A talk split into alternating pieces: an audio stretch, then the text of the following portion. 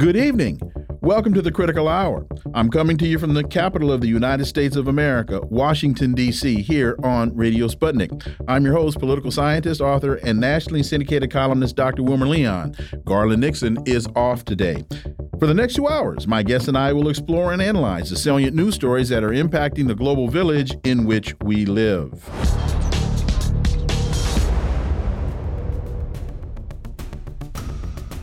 Caitlin Johnstone has a great piece in Consortium News entitled Illusory Truth and Unprovoked Invasion. The mainstream media repeated assertion that Russia's invasion of Ukraine was unprovoked defies facts and journalistic standards, yet has managed to permeate the collective consciousness of the West. For insight into this, let's turn to my first guest. It's Friday, so we're going to start the show the way we always do. My guest is an independent journalist, political analyst, and reporter for RT, Caleb Maupin. As always, Caleb, welcome back. Sure. Glad to be here as always. So, uh, Caitlin continues arguably the single most egregious display of war propaganda in the 21st century occurred last year when the entire Western political and media class began uniformly bleeding the word unprovoked in reference to Russia's invasion of Ukraine. I would even challenge the use of her word uh, invasion, but Caleb, your thoughts? Well, we know that what happened is that in 2014, the United States overthrew the Ukrainian government. And then the Ukrainian government began shelling and bombing the people of the eastern regions uh, who wanted their independence from this government that was imposed on them, that was tearing down the World War II memorials, that was outlawing their language and suppressing them in other ways. Uh, we know the Minsk Accords and the Minsk Agreement happened, uh, and it was never fulfilled. Zelensky was elected on a platform of fulfilling the Minsk Agreement, and then when he got into office, he found out he was not really in charge of Ukraine, and Ukraine is not a sovereign country. Ukraine is basically a, a an outpost of NATO and the Western countries, and even though he'd been elected on a platform of implementing the Minsk Agreement, he was unable to do so. Um, and numerous numerous situations were brought forward where Russia called for this to be resolved in another manner, called for the people of the eastern regions to stop having a food blockade uh, directed toward them. And finally, then in March, uh, we did have Russia recognize the Donetsk People's Republic and the People's Republic of Luhansk. Uh, and at that point, Russia moved its forces in with the protection of those governments, uh, with, at the invitation of those governments, uh, to protect those regions. Uh, and then those regions voted to join with Russia. And the the idea that this is simply some kind of quote unquote unprovoked invasion, where I mean it's just like you know out of the blue Russia rolled tanks into Ukraine. That's just not what has happened here. Uh, this has been a series of events, one thing leading to another, and I I would argue that Russia was almost forced into this situation. That they did everything they could to avoid it. Uh, the Communist Party the Russian Federation called on Putin to take this action way back in 2014, but they held off. They held off as long as they possibly could they didn't want to do this. Um, but the United States was determined to put them into a situation where they had no choice. And it was pretty clear uh, that uh, if they hadn't rolled in, there would have been mass slaughter. Uh, the forces in Kiev, uh, backed by Joe Biden, were being given the all at all at all go ahead uh, by the Biden administration, you know, to to just move in and slaughter the people of the eastern regions in the hopes of uh, humiliating Russia and showing that Russia doesn't really have the back of its friends and allies around the world. And and Russia couldn't allow that to happen, right? And they had done everything they could to avoid doing it, and finally they moved in. That's the reality of the situation on the ground. That's the circumstances that I heard from people when I was in Crimea at the Yalta Economic Forum.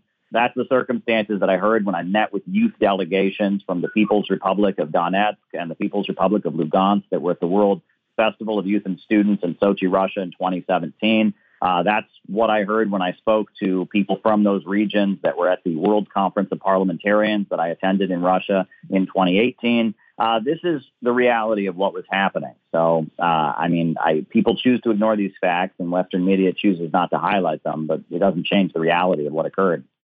And what about the irresponsible so called journalism that some of the data that Caitlin references, according to analyst Jeffrey Sachs, the New York Times used the word unprovoked no fewer than 26 times in five editorials, 14 opinion columns by New York Times writers, and seven guest op eds. Uh, but it wasn't just a paper of record from the same hymnal as the U.S. government of Ukraine uh, on Ukraine. The Guardian editorial board wrote Putin's unprovoked war, a smaller democratic neighbor, has resulted in 1.7 million people fleeing their homes. This whole story, for example, about kidnapping children and that there was there was this big story about the about Russia kidnapping uh, children from Ukraine when in fact what they were doing was taking children that were orphaned, bringing them to safety, and then when it was possible for them to do so, reuniting those children with their families. That part of the re the the reunification part of the story never really got published. No, and I mean, it's very clear if you listen to what U.S. representatives say on the UN Security Council speeches at the at the meeting, and if you listen to what's being said by Antony Blinken, the U.S. Secretary of State, and then you read the New York Times uh, or you read the Washington Post, you're reading the same thing.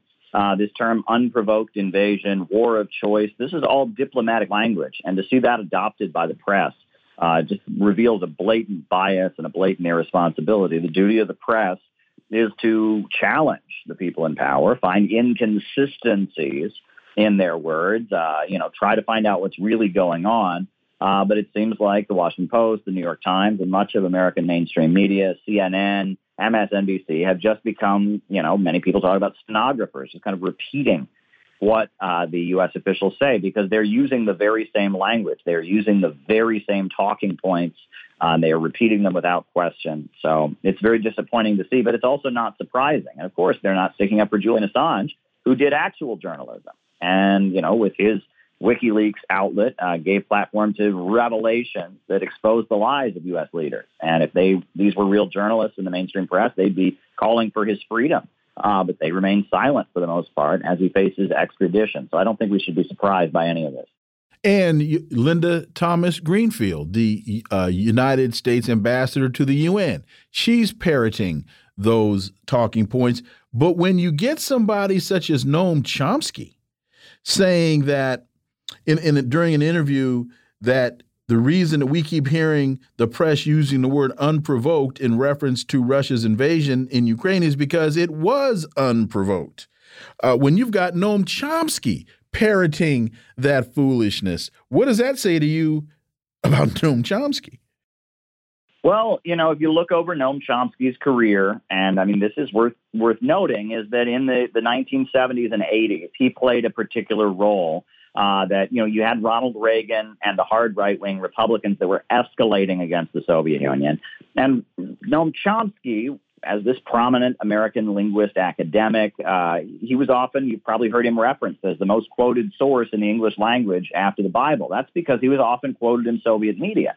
And Noam Chomsky, he played the role of representing the side of the United States that wanted to be friendlier with the Soviet Union and was courting the Gorbachev wing of the Soviet bureaucracy that we know what happened. Gorbachev gradually implemented reforms, and then the Soviet Union was ripped apart. Um, and then he represented kind of the liberal wing of the American establishment, and he was kind of rolled out there to be the you know the good cop. It was good cop, bad cop. You had Ronald Reagan talking one way, and then you had Noam Chomsky talking another way and that many people in the Soviet Union were under the impression that Noam Chomsky was some kind of household name, that millions of Americans knew who he was and were watching him on TV every night. And that was not the reality. Noam Chomsky was obscure outside of leftist and activist circles in the United States.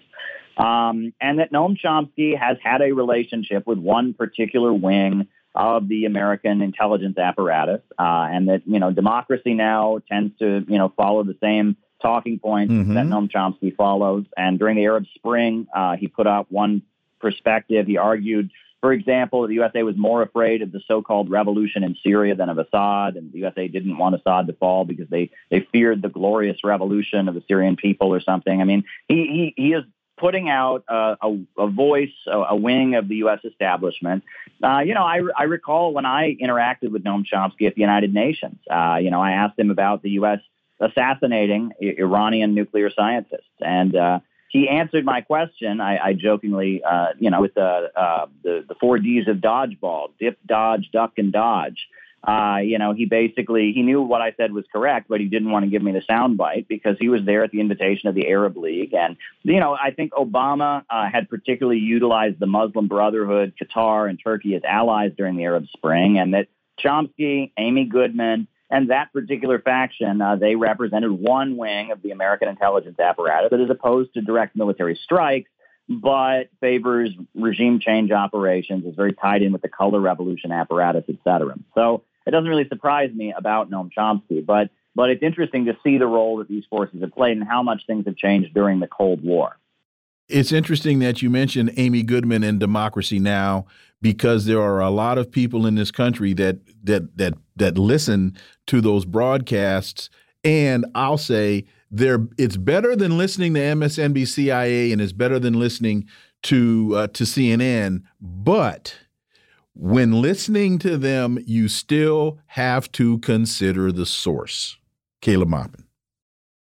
Sure. I mean, there has been uh, a huge apparatus of activists and liberal foundations and NGOs built up where a lot of people that have genuinely left wing and progressive sentiments go and get jobs, where a lot of academics get grants for their work. Uh, and that apparatus uh, is a way of, of steering left wing people into a direction of supporting the United States against countries like Russia and China. And um, I think that democracy now uh, has heavily been influenced by that apparatus, and it's unfortunate. Consortium News has a piece U.S. urged ouster of Khan cable shows. The Intercept has published a document from a source in the Pakistani military that shows a U.S. diplomat targeting Pakistan's ousted prime minister for taking such an aggressively neutral position on the Ukraine war. So, Wednesday, when the story broke about uh, Imran Khan being removed and, and, not being allowed, prohibited is what we're looking for, prohibited from participating in Pakistani politics for five years. When I was reporting and talking about that story, I said that sounds as though the government of Pakistan has been pressured by the United States to take action against him to keep him out of the conversation. And then we find out the next day that the Intercept published this document basically saying that what my assumptions were true. Your thoughts, Caleb Maupin? Well, he said this all along. I mean, he announced this was efforts by the United States. He knew what was going on, and the United States and Western media dismissed that. And they said, oh, that's crazy. That's paranoid. That's delusional. Well, now we have a diplomatic cable indicating that. And the interaction at the State Department about it was a little bit embarrassing, I would say. Uh, you had the U.S., you know, U.S diplomat, U.S. State Department spokesperson, not confirming that the cable was necessarily real, but saying that it didn't exactly show the USA saying who should be president of Pakistan. So that that doesn't indicate a violation of the sovereignty. We've heard all of this nonsense in American media about Russian meddling. We can't have Russian meddling in American affairs. We can't have a foreign country influencing American politics. Oh my goodness, we can't have that.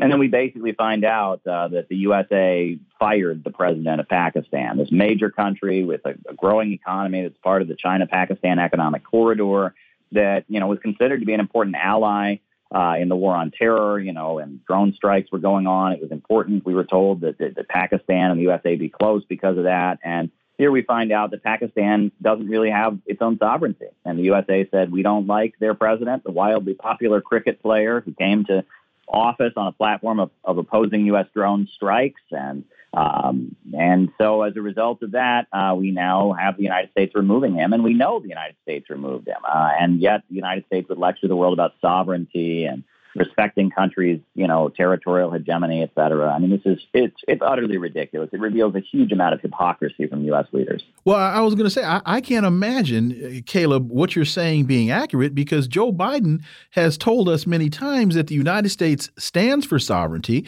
The United States defends democracy. He said that very clearly at the summit of some of the Americas when that was held in Los Angeles, where some countries in the global south were disinvited because they were not towing the American line. But Joe Biden was very clear about sovereignty, the will of the people and the voice of the people must be heard, and democracy must be protected. So I'm, I'm troubled because if I can't believe Joe Biden, who can I believe?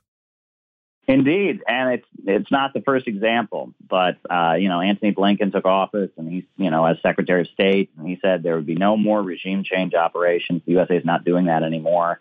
Uh, it's almost humorous Hmm. because I mean that's Okay. all the United States has been doing the Okay. past four years. Hmm. Yeah. Wow. Okay. Uh, the Washington Post reports F 16 training for Ukrainian pilots faces delays and uncertainty. Imagine that. Kiev wants U.S. made fighter jets as fast as possible, but the first pilots to undergo training probably won't be ready to fly until next summer. There are a number of troubling elements here. I'll just point out two. One is that we've been told that these jets are on their way and now we find out that nobody will be there to fly them for basically for a year. The other concerning point is they expect this thing to last for another year. Caleb Maupin.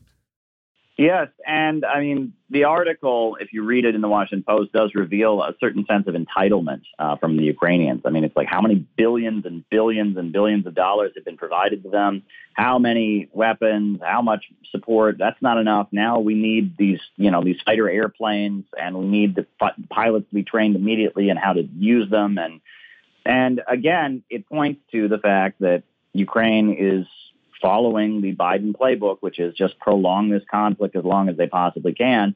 And they also feel that they are in a position to just make all kinds of demands uh, from U.S. leaders and to complain about them if they don't get them met immediately. Um, and that indicates that what Seymour Hersh wrote in his recent piece about uh, very possible being that Zelensky has leverage over the Biden administration due to scandalous information that certainly indicates that very well could be the case because the sense of entitlement and demand from a country that has gotten so much from the United States already. Uh, I mean, this is this is quite massive. You know, um, you know, I mean, billions and billions and billions of dollars, all kinds of weaponry and support, but it's not enough. We want you to train F-16 fighters. We want them trained right now. Uh, I mean, this is this is showing that you know Ukraine basically feels it's been written a blank check and it can ask for whatever it wants. Uh, and that is very disturbing. It should be disturbing to anyone in the United States. Why do they feel this way? What makes them feel that they can get whatever they want, and if they don't get it fast enough, uh, they can complain to U.S. media? That's that's indicating an improper relationship. And one has to wonder, and we've got about two minutes left, as Poland seems to be escalating its rhetoric, that Poland could very well be the next American proxy. And I find that interesting because Poland doesn't seem to be taking any lessons from Ukraine. Indeed. And the Polish government is more independent, I would add. I mean, it is part of NATO and it is a, you know, an EU country, but the Polish government is nationalistic. Uh, it's very critical of, of the Soviet Union and of Russia and of the history of, of Russia's involvement in Poland, but it's also quite critical of the European Union and quite critical of NATO and kind of kind of emphasizing that Poland should pursue its own national interests. So Polish involvement would be a little different, I would say, than simply what Ukraine is currently doing. Poland would be doing so for what it perceives as Polish national interests, and it would be interesting to see how that plays out. So, are you saying that that Poland wouldn't be doing this at the behest of the United States; that it would be doing it in pursuit of its own national interest, or a combination of the two? Uh, it would be a much more of a combination of the two than than with other forces currently involved than with Ukraine. Uh, and I think that that is that that would raise a lot of questions. Um, you know, of course, it would be a favor to the United States for Poland to get directly involved and send troops, et cetera. But the amount of leverage and control the United States would be able to exercise oh, sure, over Polish sure, sure. would be much less, and that is why there may be some hesitancy on U.S. leaders' part. Caleb Maupin, as always, thank you so much for your time. Have a wonderful weekend. Look forward to having you back. Sure thing. Always a pleasure. Folks, you're listening to the Critical Hour on Radio Sputnik. I'm Wilmer Leon. There's more on the other side. Stay tuned.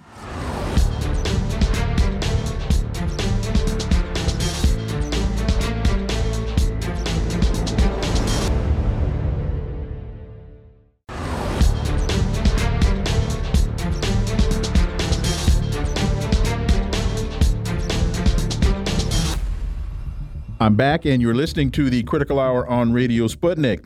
I'm Wilmer Leon. The July CPI report shows inflation gauge rose 3.2%, which is less than expected. The consumer price index rose 3.2% from a year ago in July, slightly below expectations. The core CPI ran at a 12 month rate of 4.7%, also below the estimate, and both measures were up 0.2% on the month. What does this mean for those who are concerned about kitchen table issues? Well, for insight, let's turn to my next guest. He holds a PhD in political economy, taught economics at St. Mary's College in California. He's the author of a number of books, including The Scourge of Neoliberalism U.S. Economic Policy from Reagan to Trump. Dr. Jack Rasmus, as always, welcome back. My pleasure. So the report shows that almost all of the monthly inflation increase came from shelter costs, which rose 0.4% and were up 7.7% from a year ago. Real wages adjusted for inflation increased 0.3% on the month and were up 1.1% from a year ago. What does all of this mean for the average kitchen table issue concerned American citizen, Dr. Jack Rasmus? Yeah, well, you know, the media is really uh, spinning this and saying, uh, oh, you know, this is a sign that uh, uh controlling inflation uh, has been successful. But, you know, if you look at the trend of the last three months, and if you look below the surface of that 3.2%, what you see is that for the last three months, uh, there's been no improvement in inflation control, none, right? It's been stuck. Uh, after uh, 15 months of record uh, Federal Reserve rate hikes, uh, they can't seem to move the dial very much on reducing inflation even further. Uh, when you look at inflation, CPI, you've got to consider uh, what's called core inflation you know, the overall inflation, which is food, energy, and all the rest, that's what's called headline inflation, food and energy. Core is all the rest minus food and energy. And it's true that the prices of energy have come down significantly over the past year. And food, now that we have the summer harvest, has come down, although you still have some price gouging going on, like in the bakery industry, where it's still rising and there's still uh, uh, monopoly uh, kind of control and they're still raising bread prices. Uh, but basically, if you look at core, that too is stuck. Uh, you said 4.7%. Well, it's been four seven, four eight, four nine for the last three months. Uh, it hasn't moved, even though interest rates have continued to rise. When you look at the total overall, it's about three, three point two percent. Hasn't moved. The dial hasn't moved despite interest rates. That tells me that they're at a plateau, and they can't get interest rates down further unless they raise interest rates significantly higher, as I've been predicting. Now, the really important uh, statistic here, I think, is services inflation. Services industries. You know, 80% of the U.S. economy is services. And what do we see there in terms of inflation over the last uh, 12 months? We see it rising. Yeah. In May, it was 5.3. Then it was 6.2, 6.1. So services inflation is rising, not falling uh, goods inflation for things that you buy, you know, discrete things, uh, appliances, etc. Uh, that's flat. Right? Uh, that has responded to uh, interest rate hikes. Although you could argue as well that the uh, global manufacturing recession now, according to the World Bank last quarter, the world is in recession in manufacturing. Uh, that has been abated by the Fed rate hikes, but the Fed rate hikes have not been successful in addressing services inflation at all. It's stuck at 6%. In other words, we had the record rate hikes, interest rate hikes, and we knocked off maybe one, one and a half percent of services inflation, and now it's at a lower plateau and it can't go anywhere. On top of this, on top of this, now we've got energy prices rising once again. Mm-hmm. Right? That mm-hmm. was the big factor in why it came down over the past year. But energy prices are rising again. Gasoline, fuel oil, and other other energy sources, uh, and they're going to continue to rise uh, going forward. We're going to have a food, certain foods rise because we've got the the grain problem in uh, Ukraine here. Uh, commodities prices are going to rise. Uh, we've got OPEC uh, now reducing its supply significantly that's why crude oil is rising and gasoline is rising. Uh, and rent, of course, is continuing to be gouged. Housing prices are rising in the U.S. again. That's why that shelter indicator uh, you referenced uh, was going up. So, in other words, coming behind in the fourth quarter here are several new forces going to drive interest rates, I mean, drive inflation rates back up, especially in the key food and energy sectors where most of the decline has occurred in the past year. Uh, they're not going to get any more decline there. It's going to go up, and services are locked in at about 6%. The Fed has to raise interest rates further, but it can't because if it does, 6% or more is base rate, it's at 5.5 now, it's going to exacerbate uh, the the problem, uh, you know, with with uh, commercial real estate and the regional banking system, which is coming to a head in the fourth quarter as well. So the Fed's between a rock and a hard place. It has to raise rates significantly more if it wants to attack services inflation. It can't be because the banking system and the problem with commercial real estate rolling over to junk debt which is held mostly by the regional banks, uh, is going to be exacerbated. We may have uh, uh, the, the, second uh, phase of the regional banking crisis here based upon commercial real estate if the Fed continues raising rates. So the Fed is locked uh, in, in this uh, between a rock and a hard place right now. And I don't think it's going to raise rates significantly here because it's going to protect the banking industry in the fourth quarter. But that means Inflation at best is at the current level it is now, and it's not going lower. In other words, what you see is what you get. This is the best case now, and it's probably going to drift up slowly here in the fourth quarter. But you see, Jack, this what what you've just laid out is is problematic for me when I put it all in the context of Bidenomics and Joe Biden is telling me that the economy is doing great, that Bidenomics is carrying the day. And if I can't trust what Joe Biden tells me, Dr. Jack Rasmussen, who can I trust? Uh, you can't trust uh, anybody in government media when they say anything about the economy. Look, it's the but, but wait, wait, it, wait, a minute. In, in, in all seriousness, because this whole Bidenomics foolishness is is a cornerstone of of Joe Biden's political stump dialogue. So as we're moving into the 2024 presidential elections, what does the Joe Biden Bidenomics narrative where does that go with the realities on the horizon that you're articulating? Well, the gap between uh, the spin, the ideology, the spin, the, the campaign rhetoric, and the reality is going to grow over the next year uh, very clearly. The inflation is not going down to 2% uh, that the Fed wants, and uh, the economy is going to slow even further.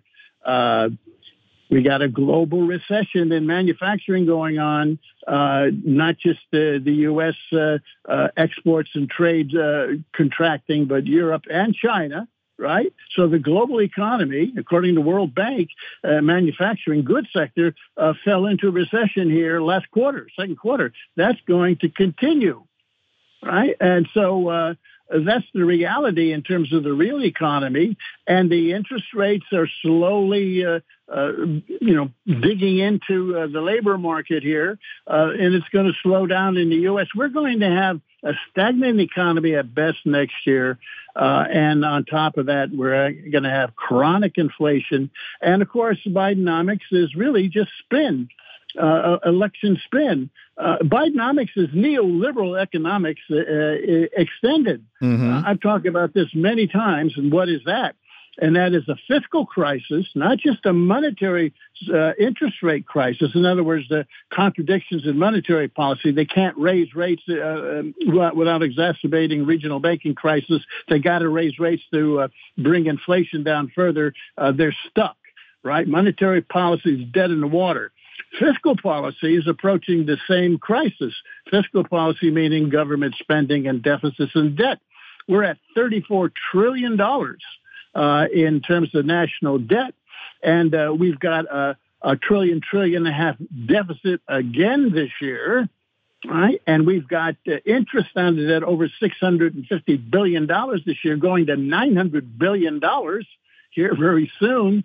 Uh, they they have to they're going to pay uh, their their bondholders that's for sure and um, what that means is they're going to have to cut uh, social programs again because you know, Biden will not cut defense and war spending. Uh, the costs are going up all all the time, and that for Pentagon and Ukraine war, uh, they're not going to cut that. And uh, interest rates uh, charges are going up. What are they going to cut? Uh, well, let's watch October 1st. That's the new budget. They're going to take another big whack out of social programs. Uh, what they did with the debt ceiling uh, cuts uh, was not sufficient. They're going to come at it again. Uh, and that's the crisis of fiscal policy. Uh, their debt and interest payments on their debt is so high and escalating because of war spending escalating and no retrieval of the four and a half trillion dollar Trump tax cuts. They're continuing that. Uh, so the deficits are going to keep rising. And if the deficits rise, the interest payments rise, and they got to make cuts somewhere. They won't do it in war and defense. They're going to do it on social programs. That's the crisis in fiscal policy that we're facing, on top of the crisis and contradictions in monetary policy. So that's neoliberalism. You see, neoliberal fiscal monetary policy uh, is running up against a wall. And uh, I don't think they have a solution for it. And just having recently gone to the grocery store and recently filled up my car, uh, to your point, gas is going up. Yes. The cost of a gallon of milk, uh, the cost for tomatoes, the cost for lettuce, the cost for grapes, uh, all of that stuff is going up.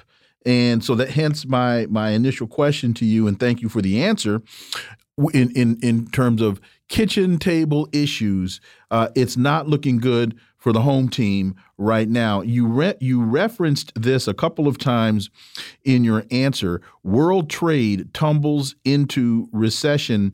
All major exporting nations showed steep year on year declines in shipments during June and July, led by South Korea and India which both fell by 16% during July and June, respectively. China and Taiwan registered year on year declines of 9.2% and 10.4%.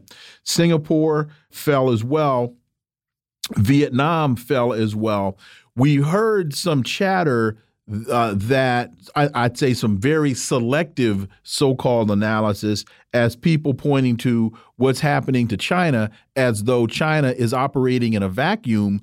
But what we're really seeing here, and this is a, an article from the Asia Times, is that again, as the title says, world trade tumbles into recession. Dr. Jack Rasmus. Yeah, uh, you know, the mainstream media is trying to uh, uh limit the uh, you know, the reference to to China slowing its exports and its production for exports. You know, they're not mentioning it's all of Asia, right? And why is all of Asia exports of goods, manufactured goods, slowing down?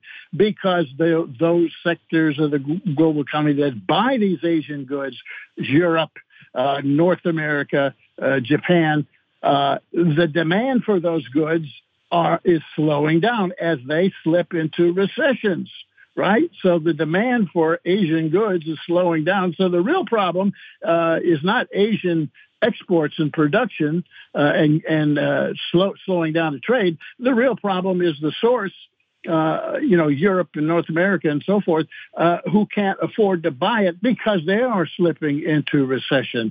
Consumption is declining.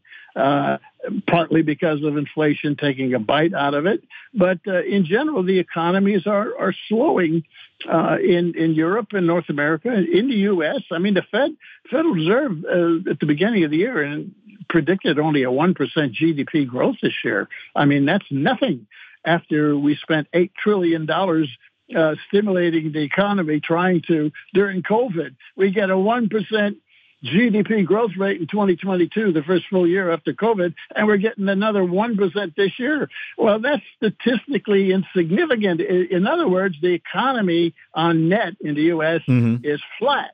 It's stagnant right? After $8 trillion of stimulus. Now, that ought to worry some folks. In fact, wait a minute, Jack, and, and that's, that's the real economy. That's not just the financialized section of the economy you're talking about. Oh yeah, oh yeah. The financialized right. sector is not in GDP. It's not in economic growth right. numbers.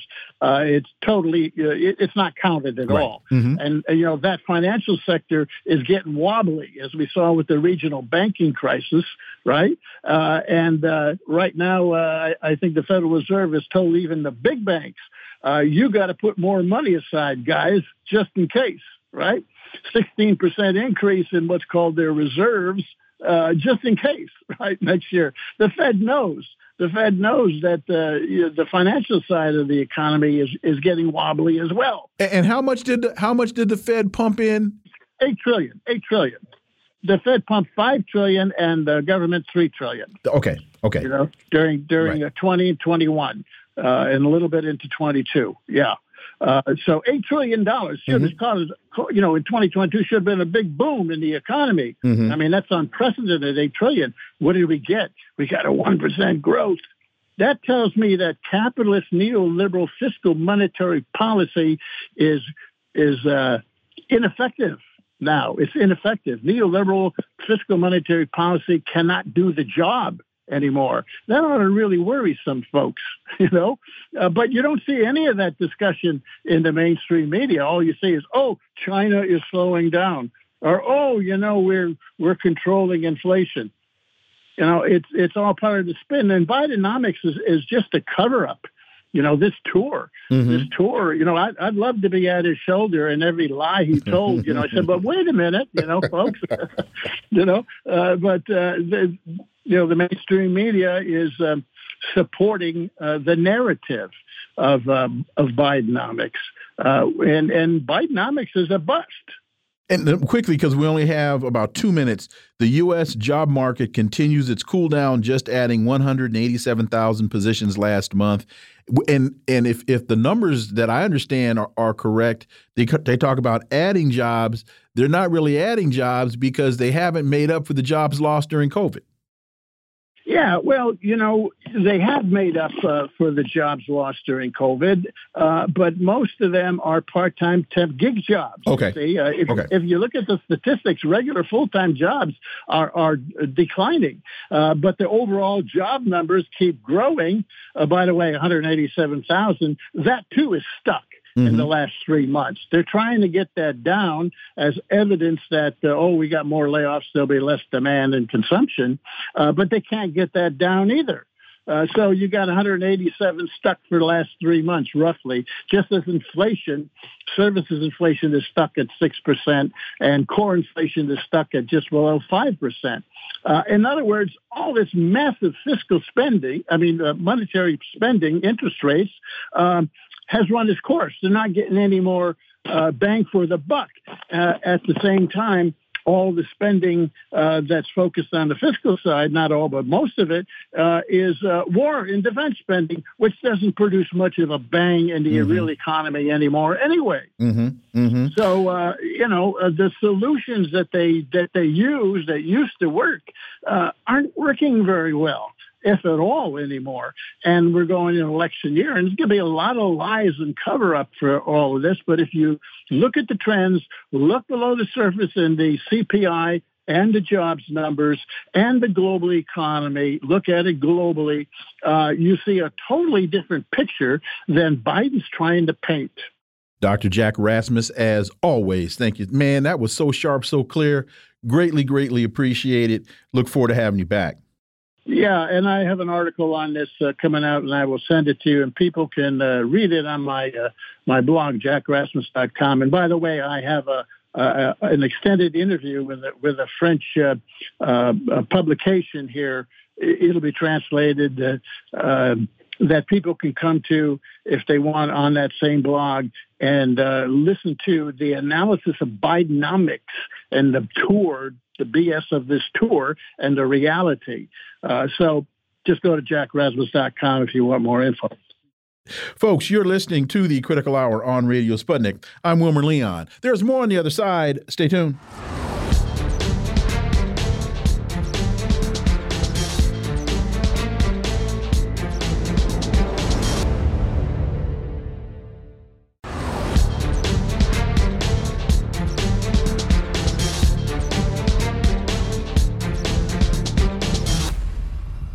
I'm back, and you're listening to the Critical Hour on Radio Sputnik. I'm Wilmer Leon.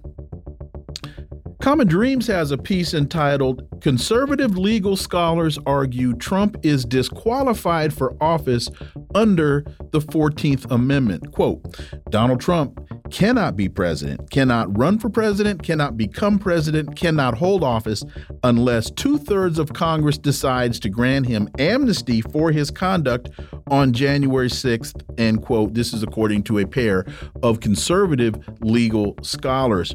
For insight into this, let's turn to my next guest. He has served as an assistant state's attorney in Anne Arundel County, Maryland, and is a board member of the Transformative Justice Coalition, attorney Daryl Jones. As always, Daryl, welcome back. Hey, Doc, it's always great to be back and discussing these just critical topics uh, with you uh, as we try to uh, unfold some of this stuff. And let me say, uh, what really got my attention about this, beyond the constitutional argument, and we'll get into that very quickly, though, is that the scholars in question are conservative and they come from the Federalist Society. And this was posted in the Washington Post. You know, this isn't an anti Trump conversation. This is, I mean, in terms of what you and I are having. So, with that, so a pair of conservative legal scholars argue in a newly released paper that under Section 3 of the 14th Amendment, Trump is disqualified to hold office again, echoing a case long made by progressive experts in watchdogs. Now, folks, I'm going to read section three to you, and then, Daryl, I'll turn to you. Quote, no person shall be a senator or representative in Congress or elector of president and vice president or hold any office, civil or military, under the United States or under any state who, having previously taken an oath as a member of Congress or as an officer of the United States or as a member of any state legislature or as an executive or judicial officer of any state to support the Constitution of the United States shall have engaged in insurrection or rebellion against the same or given aid or comfort to the enemies thereof. But Congress may, by a vote of two thirds of each House, remove such disability. And I think what they believe captures Trump here is the aid or comfort to such enemies section. Your thoughts, Daryl Jones? You know, uh, uh, Doc, you're, you're right on it, and and that is what they're focusing on. Both Paulsen and Baude are, are focused on the uh, even if you just look at the indictment that uh, that has come down against Trump and dealing with the January 6th uh, insurrection, that based upon his uh, giving aid and comfort, uh, his encouraging, being part of, being part of the uh, you know the the entire conspiracy to to go over to the Capitol and to disc uh, you know, uh, disrupt the, the counting of the votes that were going on, all of that, and, and, disrupt the peaceful transfer of power. This is what they're focused on when they're saying that's a violation of that uh, Section 3 of the 14th Amendment, that in effect, you know, and this is a section that generally uh, was applicable when we're talking about the Civil War area, uh, era and, and, and, states that wanted to be uh, readmitted into the Union. But similarly, this is a situation where uh, former President Trump certainly has engaged in insurrectionist activity uh, against the rebellion of the United States, trying to interfere with the peaceful transfer of power. So the section on its face applies. And so the question now will become what's next? You know, what what does uh, what does Merrick Garland do with this? Uh, do they stand up? Is there a civil action that is now going to be brought by these conservative legal scholars? Because you know, if, if we're just going by the plain reading of the document, as the uh, as the members of our Supreme Court who call themselves originalists uh, of the Constitution, uh, if we just go by the original reading of the of the document, he's disqualified. He's disqualified what we call ab initio, right from the beginning. You don't need to go through anything else. We know that he's done this, and therefore he should be disqualified for running for office. Interestingly, uh, as you have indicated, both um, uh, Michael Paulsen and, and William Baude both are part of that Federalist Society, uh, which is the, the far right wing uh, of the Supreme Court, the far right wing of the of the court system in general, with regards to their thinking. It does not mean that uh, that they're you know pro-Trump or anti-Trump, but it, it certainly gives the appearance that uh, that they uh, are anti-Trump and certainly uh, want to enforce the original interpretation of the U.S. Constitution. So, based on that, I, I, would look forward and and, and uh, would anticipate that they're going to be bringing some type of action to try to prevent uh, the former president from being on, even on the ballot, I would imagine, for, for running for president, because if you're disqualified from the beginning, uh, because of the insurrectionist class, you shouldn't even be on the ballot. So that's going to be interesting to see exactly how that plays out. But you know, it's uh, you know, it certainly on it on its face appears to be uh, straightforward in this situation. Yeah, well, the 13th says, I, I think it says in here, you can't even run. Again, I, I want to go back. What what if it hadn't been Baude and Paulsen, the, I probably wouldn't have paid much attention to this. Mm -hmm. But what I thought was relevant and and warranted our conversation is these two guys are part of the Federalist Society. And folks need to understand that the Federalist Society is now the organization that has such a powerful role in determining who gets nominated to the Supreme Court.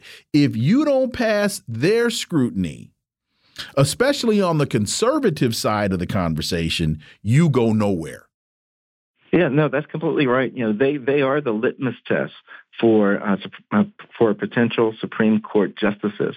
A lot of the thought process and a lot of the issues in this past uh, session of the Supreme Court, one of the issues that came out was the independent state legislative theory, uh, mm. indicating, mm-hmm. of course, you know that the state legislatures in, in, dealing with redistricting should be the beginning and the end of any discussion, and that the court shouldn't be in, uh, involved.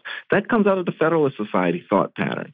You know, so a lot of the things that you see that are, you know, the the anti affirmative action. That all comes out of the Federalist Society, uh, um, uh, you know, uh, theory and, and, thought process. So a lot of that that you're seeing happen on the Supreme Court with the six conservative justices, all of them have touched bases or come out of the Federalist Society. So when we see Paulsen and Baude coming out of the Federalist Society, taking a position against former President Trump and his ability to even run for the presidency, it, it, it's something that uh, we should all take notice of. Does that indicate to you that there's a deeper uh, chasm or wider chasm or wider fissure, deeper chasm? I think that's where I'm trying to go. Uh, within the conservative, quote unquote, conservative realm in the country, when individuals in the Federalist Society are coming out and saying Trump can't even run. Well, you know, I, I think it, uh, they're dealing with a, a, real practical situation too. Uh, and, you know, I think that they see and they realize that if uh, the former president is the Republican candidate for the president of the United States, there's a real battle, real chance that he ain't going to win. Uh, and that's whether or not he's in prison because of the cases that are pending against him or all the independents turn against them because they don't want, uh, you know, that type of individual representing them and having their children and grandchildren say, look up to the president and you can commit crimes too and be a president.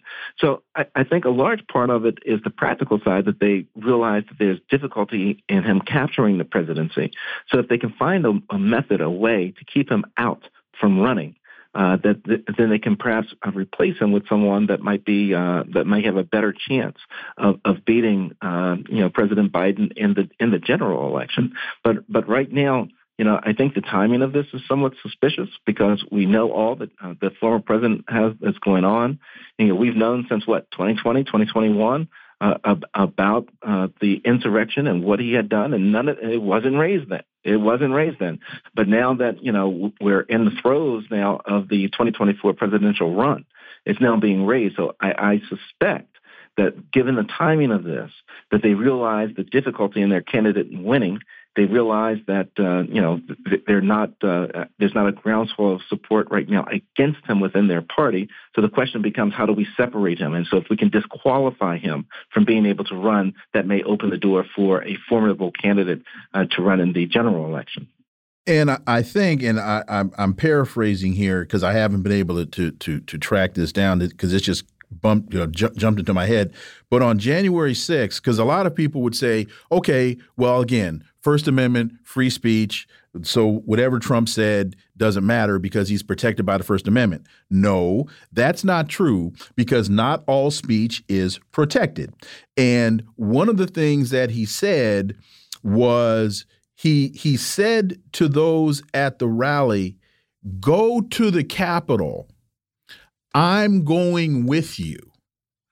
Those two sentences, I believe give credibility to what Baude and Paulsen are saying.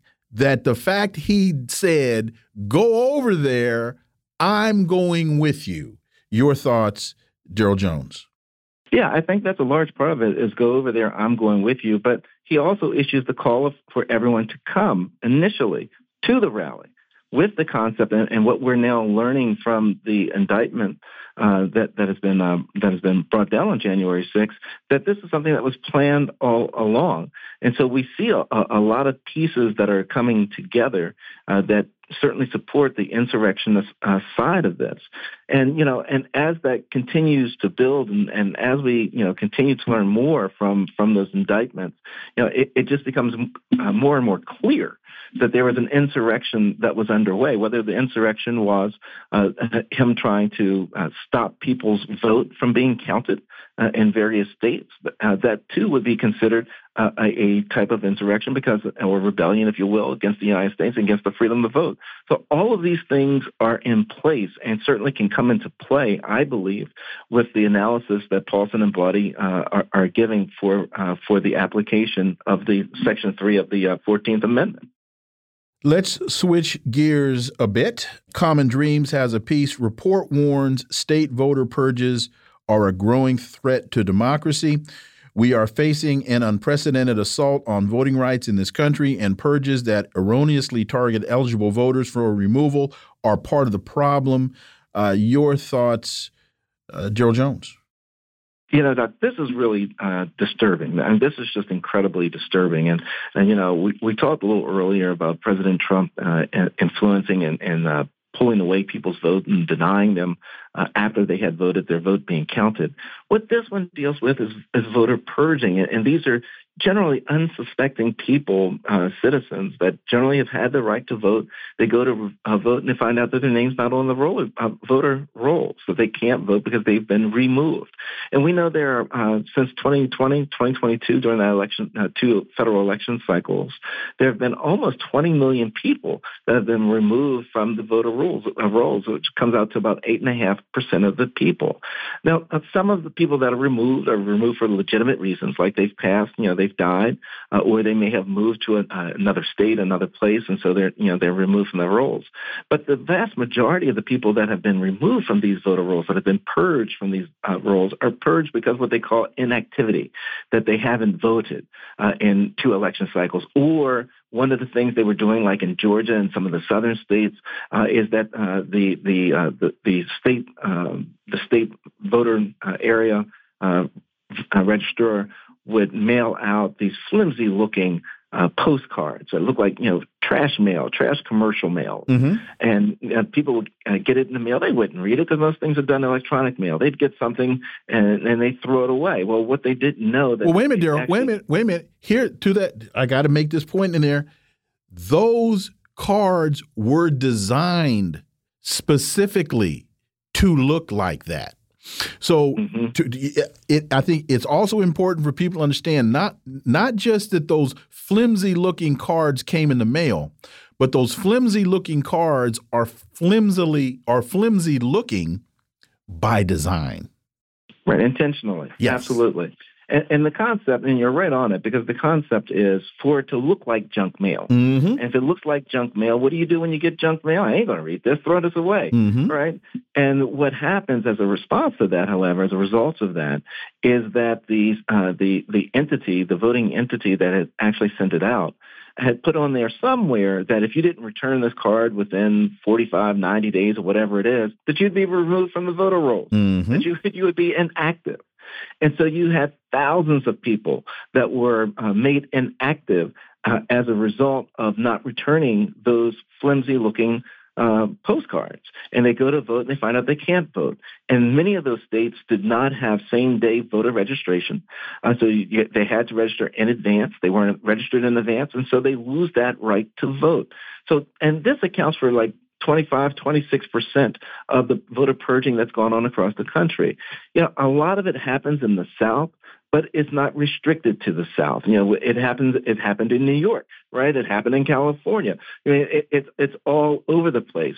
You know, and doing the report that uh, that focused on the voter purging, it really focused on ten states, which was like uh, what Wisconsin, Ohio, Georgia, Michigan, Texas, North Carolina, California, and Louisiana. Louisiana. Mm-hmm. Right, right, and uh, and those and those areas. But there are other states that also uh, you know this applied to uh, that uh, just weren't included included within the report.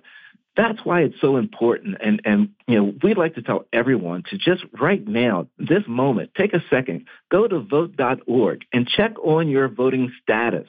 See if you are an active voter and if your place has moved. States like Arizona, Doc, Arizona is the number one state in the nation for doing what? Moving people's polling places mm.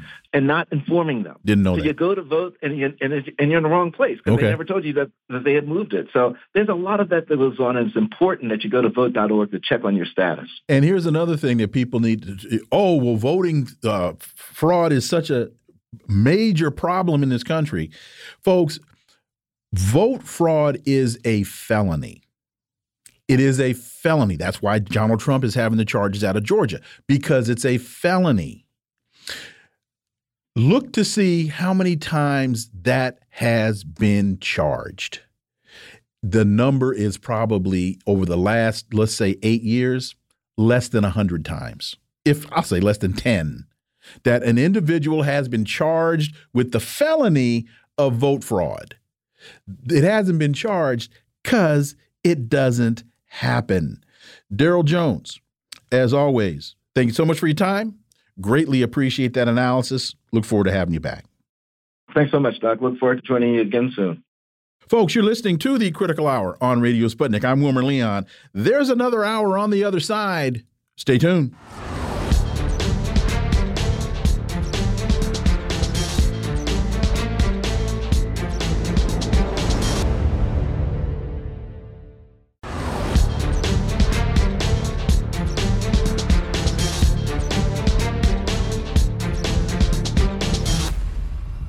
I'm back, and you're listening to the Critical Hour on Radio Sputnik. I'm Wilmer Leon. There is a great piece in Black Agenda Report entitled all Africans should condemn the call for an ECOWAS led military invasion of Niger.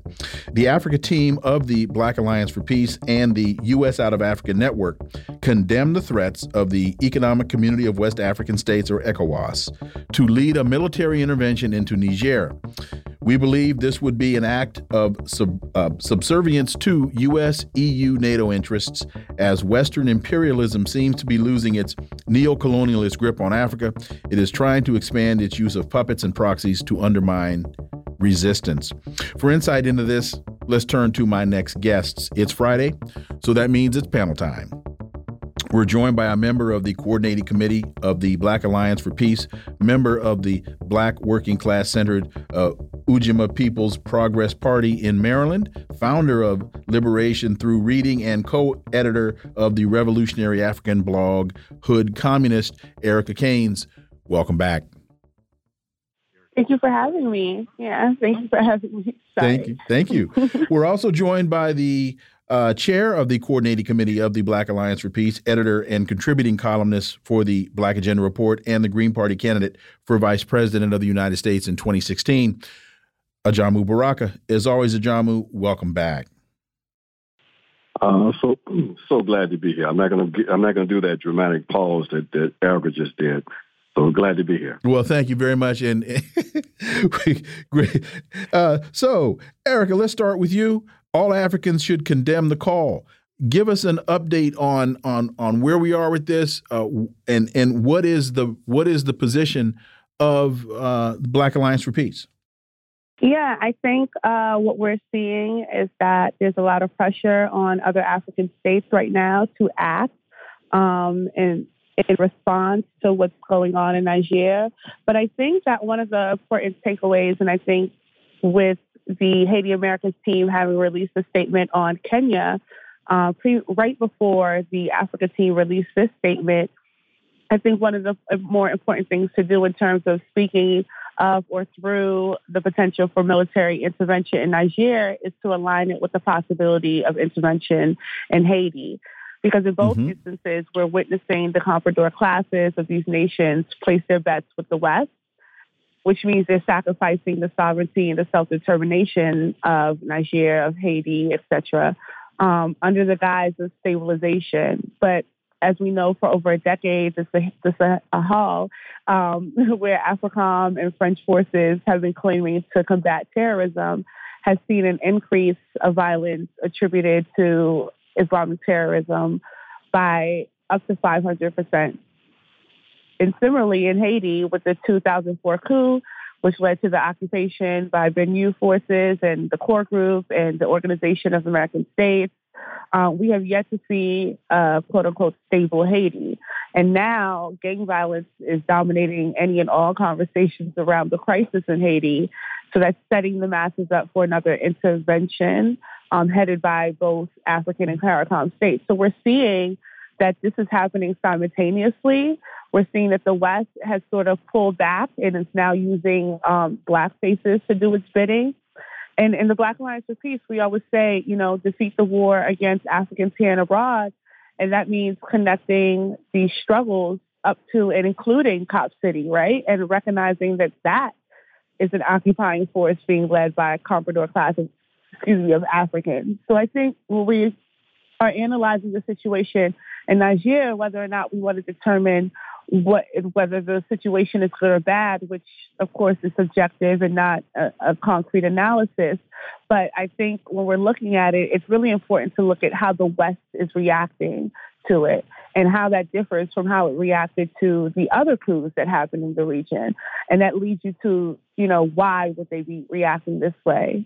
But I think that all Africans should always condemn intervention and uh, uh, Jamu, same same question to you. Understanding uh, Nigeria cut power, electrical power going into Niger, while Algeria, Mali, Burkina Faso, Benin, they've all stood together and said, "You come in here." Uh, we consider that to be a violation of our sovereignty, and they're still standing in unison. Ajamu Baraka. Well, I think that that's that's a very important point. You know, except that a couple of those nations are not as uh, adamant about the military component uh, of that as as as the public might might um, understand. But that's all right because there is the uh, solid uh, unity between uh, Niger, Burkina Faso, uh, um, and Mali, with also Guinea that is sort of back in the background, and, in Algeria. So, yeah, this is um, a very important and significant uh, development that's taking place on the African continent.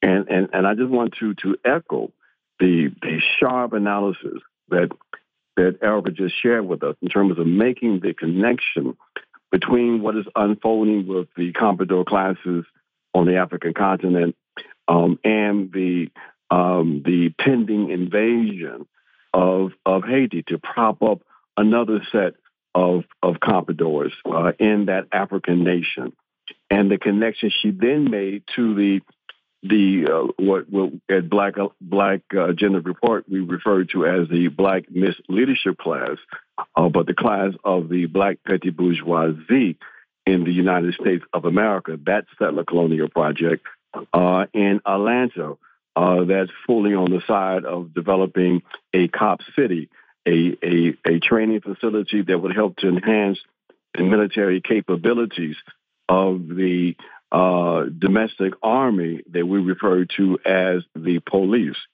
So all of these uh, represent, uh, from our perspective, that is the Black Alliance for Peace, the uh, frantic, um, desperate attempts on the part of the Western project, the uh, the the axis of domination, the United States, EU, NATO, uh, the pan-European colonial capitalist project, uh, to rely on the instrument that brought them to prominence, that provided the material uh, base for the ascendancy of uh, these barbarians that spilled out of Europe in 1492, and that is uh, violence, uh, concentrated violence in the form of, of the uh, colonial violence, uh, reflected in their commitment to violence uh, in their in their documents, their commitment to full spectrum dominance. You know, so they have decided that they're going to fight this out. They have decided clearly to wage war against African people, against colonized people. And so they are setting the terms of struggle. We want peace, but we understand there could be no uh, uh, peace without justice. And we understand we can't have peace when war is being waged against us. And up to now, it's been a uh, you know, it's been relatively a one-sided sort of war over the last few decades. Uh, but what we are seeing developing on the African continent and what uh, will be revealed when these forces go into Haiti uh, is that the the one sidedness of this is starting to be uh, uh, uh, changed. The same thing in the United States of America.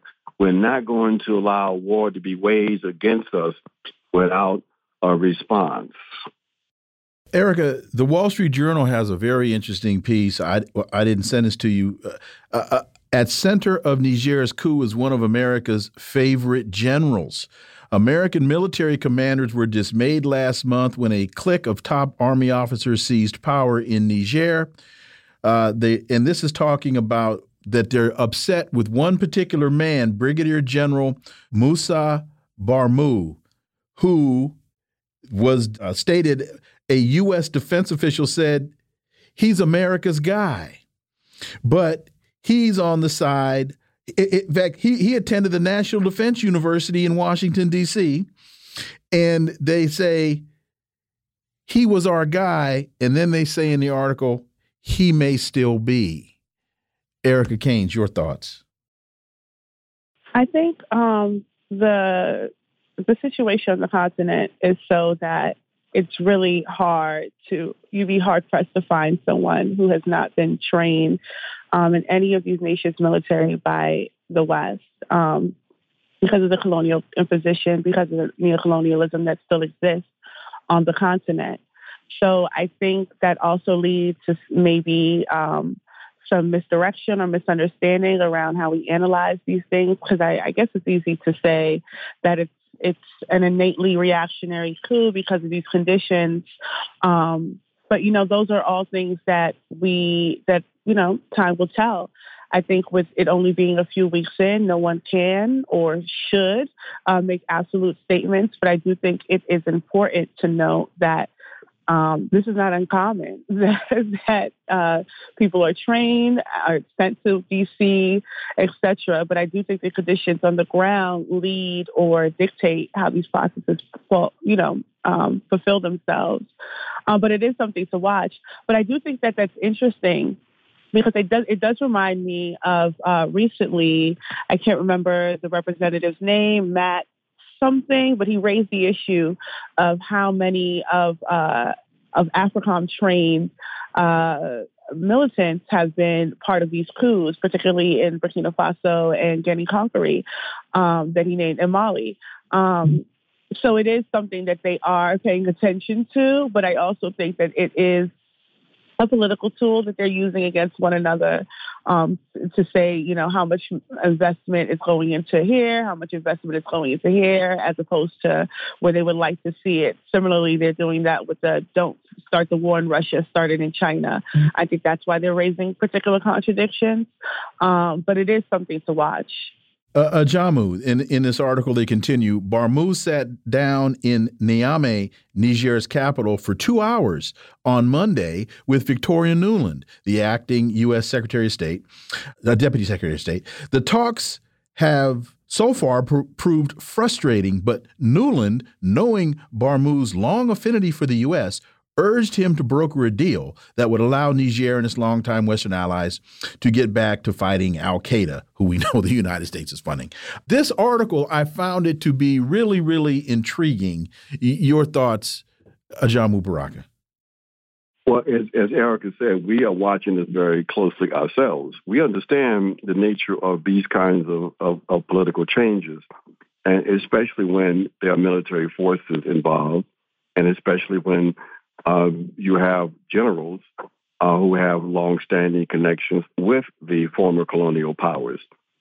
One thing we do know is that the masses of the people have a position, and their position right now is for the French and the U.S. to be out. So we are not surprised that there are conversations taking place. We know how the U.S. moves. We know that the U.S. is going to be looking out for its objective national interest, even if it means sacrificing the interests of the French. Uh, it's quite quite clear they're not going to be able to save the French outside of a, of a, of a war. Uh, that the people in, in Niger want the French out. But what they are looking at and angling for is for some kind of potential relationship that will allow for the U.S. to remain in the country. Because remember now, they have a an investment of of a of a drone base that that costs over one hundred million dollars. So that is quite understandable. But we know that if there is a uh, betrayal of the sentiment of the people in Niger, uh, that the people, in fact, will rise up. We've yeah. seen some of the same kinds of things happen in places like Sudan. Mm -hmm. I'd hate to be that dude if if whew, because they don't play. And let me see if I can tie two things together and do it succinctly, Erica. As we looked at what's been happening with the with the elections in the global South over the last probably year and a half to two years, as the U.S. backed neo-colonial governments have been overthrown by socialist leaning governments, and as those elections were taking place, I was asking the question what's the imperial global imperial hegemon going to do? Because we know that it won't go quietly into that long night.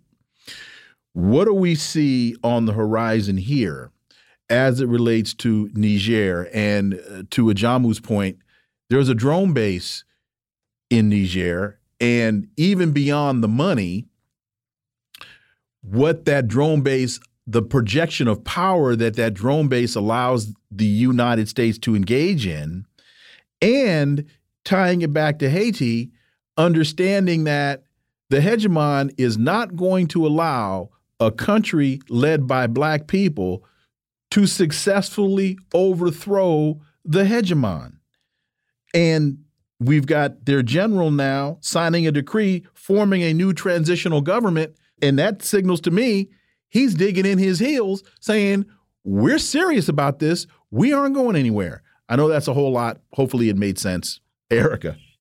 No, it, it made sense. Um, but like I said earlier, it's only been a few weeks, so no one should make any absolute statements about what um, what's happening. But Nigeria does seem to be going through a transitional period, uh, mirroring what we've seen develop in the last two years in the region, um, that has been brought on by, you know, Western interests causing over a decade of intense destabilization in the region um, since NATO destroyed Libya. Uh, I know there is a viral clip going around now of thousands um, of citizens of Niger who are outside of a French military base right now, demanding that the French leave. Um, so it does seem like the people are uh, positively um, reacting to this transitional period.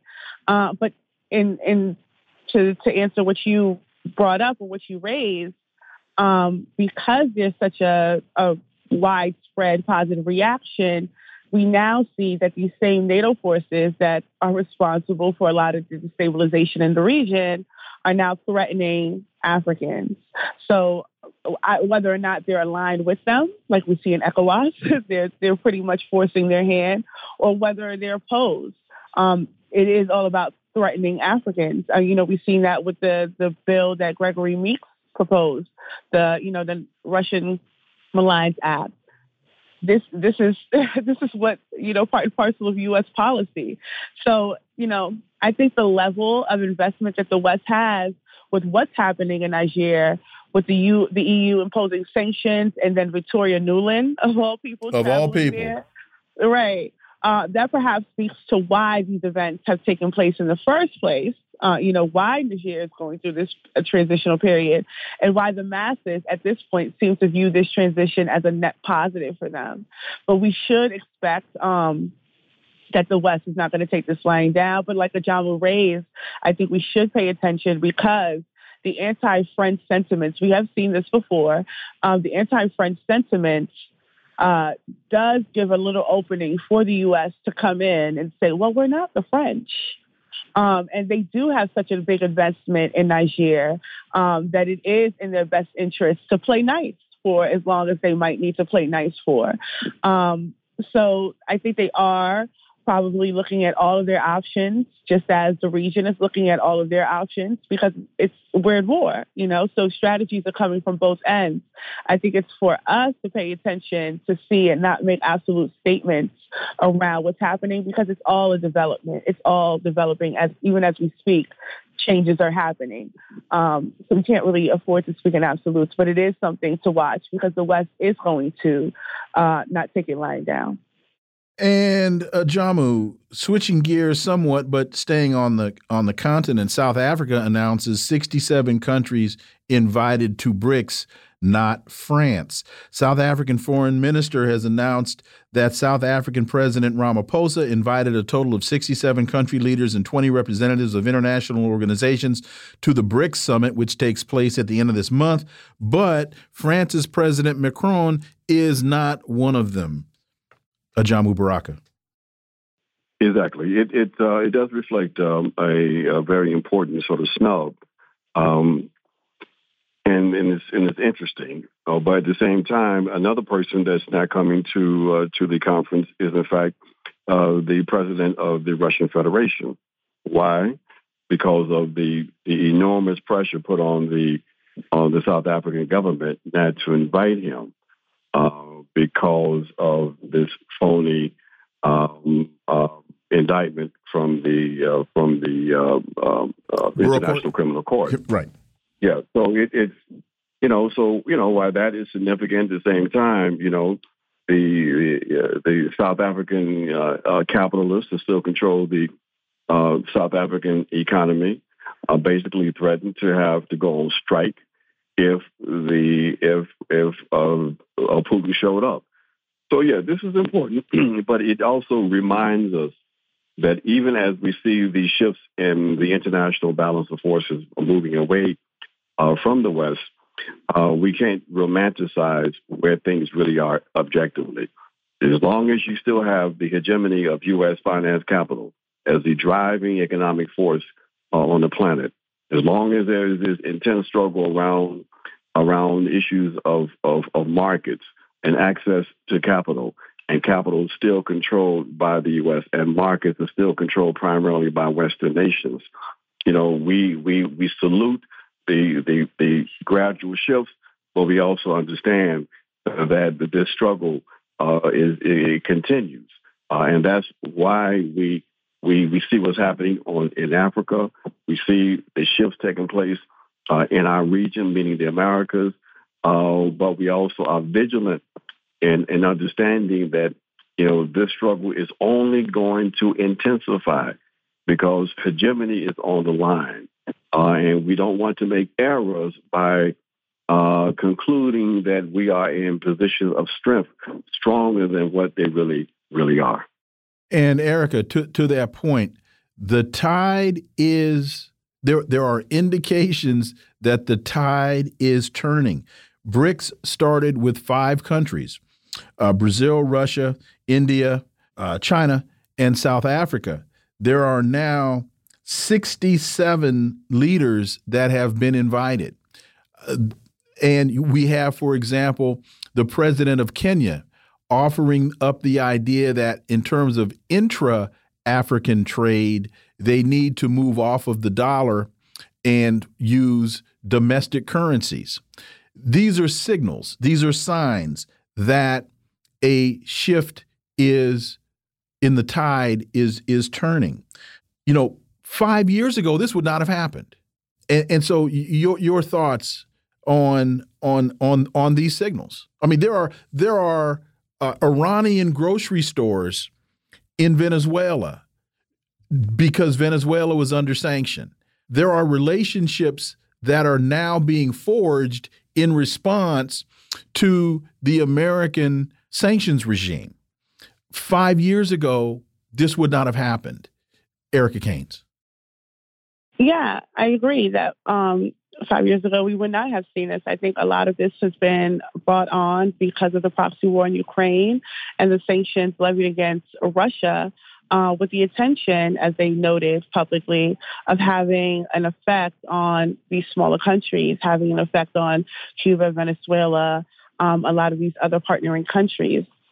And it has. I think the sanctions on Russia has had a, a drastic effect on the world in terms of um, the economy, the collapse of the economy of a lot of nations. Um, and so the multi, you know, the move towards multipolarity and the move towards a multipolar world is a positive move. I agree. I think that if this is something that you know needs to happen, I think there needs to be a lessening of the dollar hegemony but I also agree with Ajamu in terms of having a sober analysis about what this could mean, because we can't, on one instance, acknowledge that as nations move towards self-determination and sovereignty, that the West is going to clamp down, and then also say, well, the dollar, you know, removing oneself from the dollar hegemony is a positive. That's you know that we should just only, you know, well, I guess what I'm trying to say is don't romanticize sure. that because there is still, a, you know, a military force behind the dollar hegemony. It does not exist on its own. So uh, the the U.S. is not invincible, clearly, um, but as the multipolar world, as it grows, the transparency of the empire's goals will too. So more soft power tools like the Global Fragilities Act uh, will be used. You know, they have USAID forces everywhere. They have net forces everywhere. Um, I think the, the American Competes Act speaks to that, that they passed um, last year, which intends to make use of the USAID by training student groups on the continent and in Latin America. Um, so they, they are, not, you know, they're going to fight back on this. And it's something that we need to really pay attention to because if, if the move towards multipolar world means a, um, means distracting itself or detaching itself from the West, then that in itself sets up a war against self-determination and sovereignty. So um, unity amongst these oppressed nations of the world would be, you know, is first and foremost an enemy to the unipolar uh, dominance. But I do think that um, I do think that it, it does create certain contradictions that we should be mindful of. But I do think overall, objectively, it is a net positive thing. But when you raise the, the issue with Kenya, like Kenya wants to remove itself from the dollar hegemony to have more independence, but it's still tied down to U.S. foreign policy. So I think that you know there's there's contradictions and things that we should be mindful of. And Ajamu, we have just about a minute left, and this just reminds me of the quote by uh, Antonio Gramsci that the crisis consists precisely in the fact that the old is dying and the new cannot be born. In this interregnum, a great variety of morbid symptoms appear, and that just makes me wonder: we we can make progress if we can survive the process. We have about a minute. You're absolutely right, and and, and it's so it's so fresh. It's, it's so it's so good to hear the analysis that that uh, uh, Sister Erica is sharing with us. That we we we're seeing these changes, but we're seeing these with with fresh and clear eyes, understanding where how we can advance, but also recognizing the strength of the enemy. Erica Caines and uh, Jamu Baraka. Thank you both so much for your time. Have wonderful weekends. And as always, looking forward to having y'all back. Thank you for having me. Thank you. Folks, you're listening to the Critical Hour on Radio Sputnik. I'm Wilmer Leon. There's more on the other side. Stay tuned.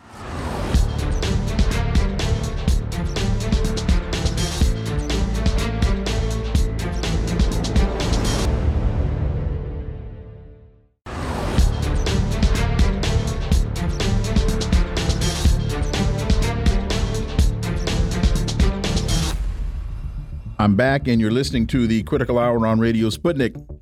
I'm Wilmer Leon.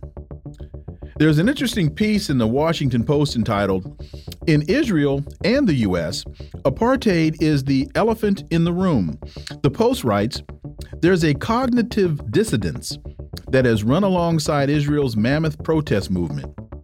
For months, tens of thousands of Israelis have taken to the streets in defense of their democracy, which they fear may be greatly imperiled by the far right ruling coalition's desire to curtail the independent powers of the country's judiciary. But the protests have seldom dovetailed with a recognition of the other profound mark against Israeli democracy the ongoing occupation of the West Bank and the denial to millions of Palestinians the same rights as their Israeli neighbors, including half a million Jewish settlers. I found this to be very interesting. And for insight, let's turn to our second panel. Yes, it's Friday, so it's still panel time. We're joined by the National Organizer for Action for Assange, Steve Poikonen. As always, Steve, welcome back. Fantastic to be here. Thank you. We're also joined by an independent journalist whose work can be found at Substack and thepolemicist.net, Dr. Jim Kavanagh. Jim, welcome back. Always a pleasure. Thank you. So, Jim, before I start with you, I want to add another story before you respond. Extreme right Israeli finance minister Smotrich this past Tuesday justified his freezing of higher education funding for East Jerusalem Palestinians by claiming that university studies, quote unquote, radicalize them, adding that such financial support is contrary to Israeli principles. Last week, Smotrich canceled funds for Palestinians living in the city, which has been illegally annexed by Israel, who seek to attend pre college preparatory programs operated by the Hebrew University and the uh, Hadassah and Azrieli colleges, according to Israeli media. And that to me, Jim, is just eerily uh, remin reminiscent of the Jim Crow laws in the United States and how it was illegal to to teach Africans in America even how to read. Jim Kavanagh, your thoughts on this? Well, yeah, uh, the fact is that Smitrovic, Smotrich is correct. Educating Palestinians is going to radicalize them. It's going to work contrary to Israeli principles because the fundamental fact about the Zionist regime and the Zionist project is that it Israel is a settler colonial state. The, the group of settlers that comes in must uh, ma- maintain supremacy over the uh, indigenous population, must expel, exterminate, or subjugate the indigenous population. That's what Israel has to do. It's a de facto ipso facto apartheid state. It in 46 to 48 expelled and exterminated a lot of Palestinians, but not enough. There are still too many there, and it it has since then subjugate, subjugated them.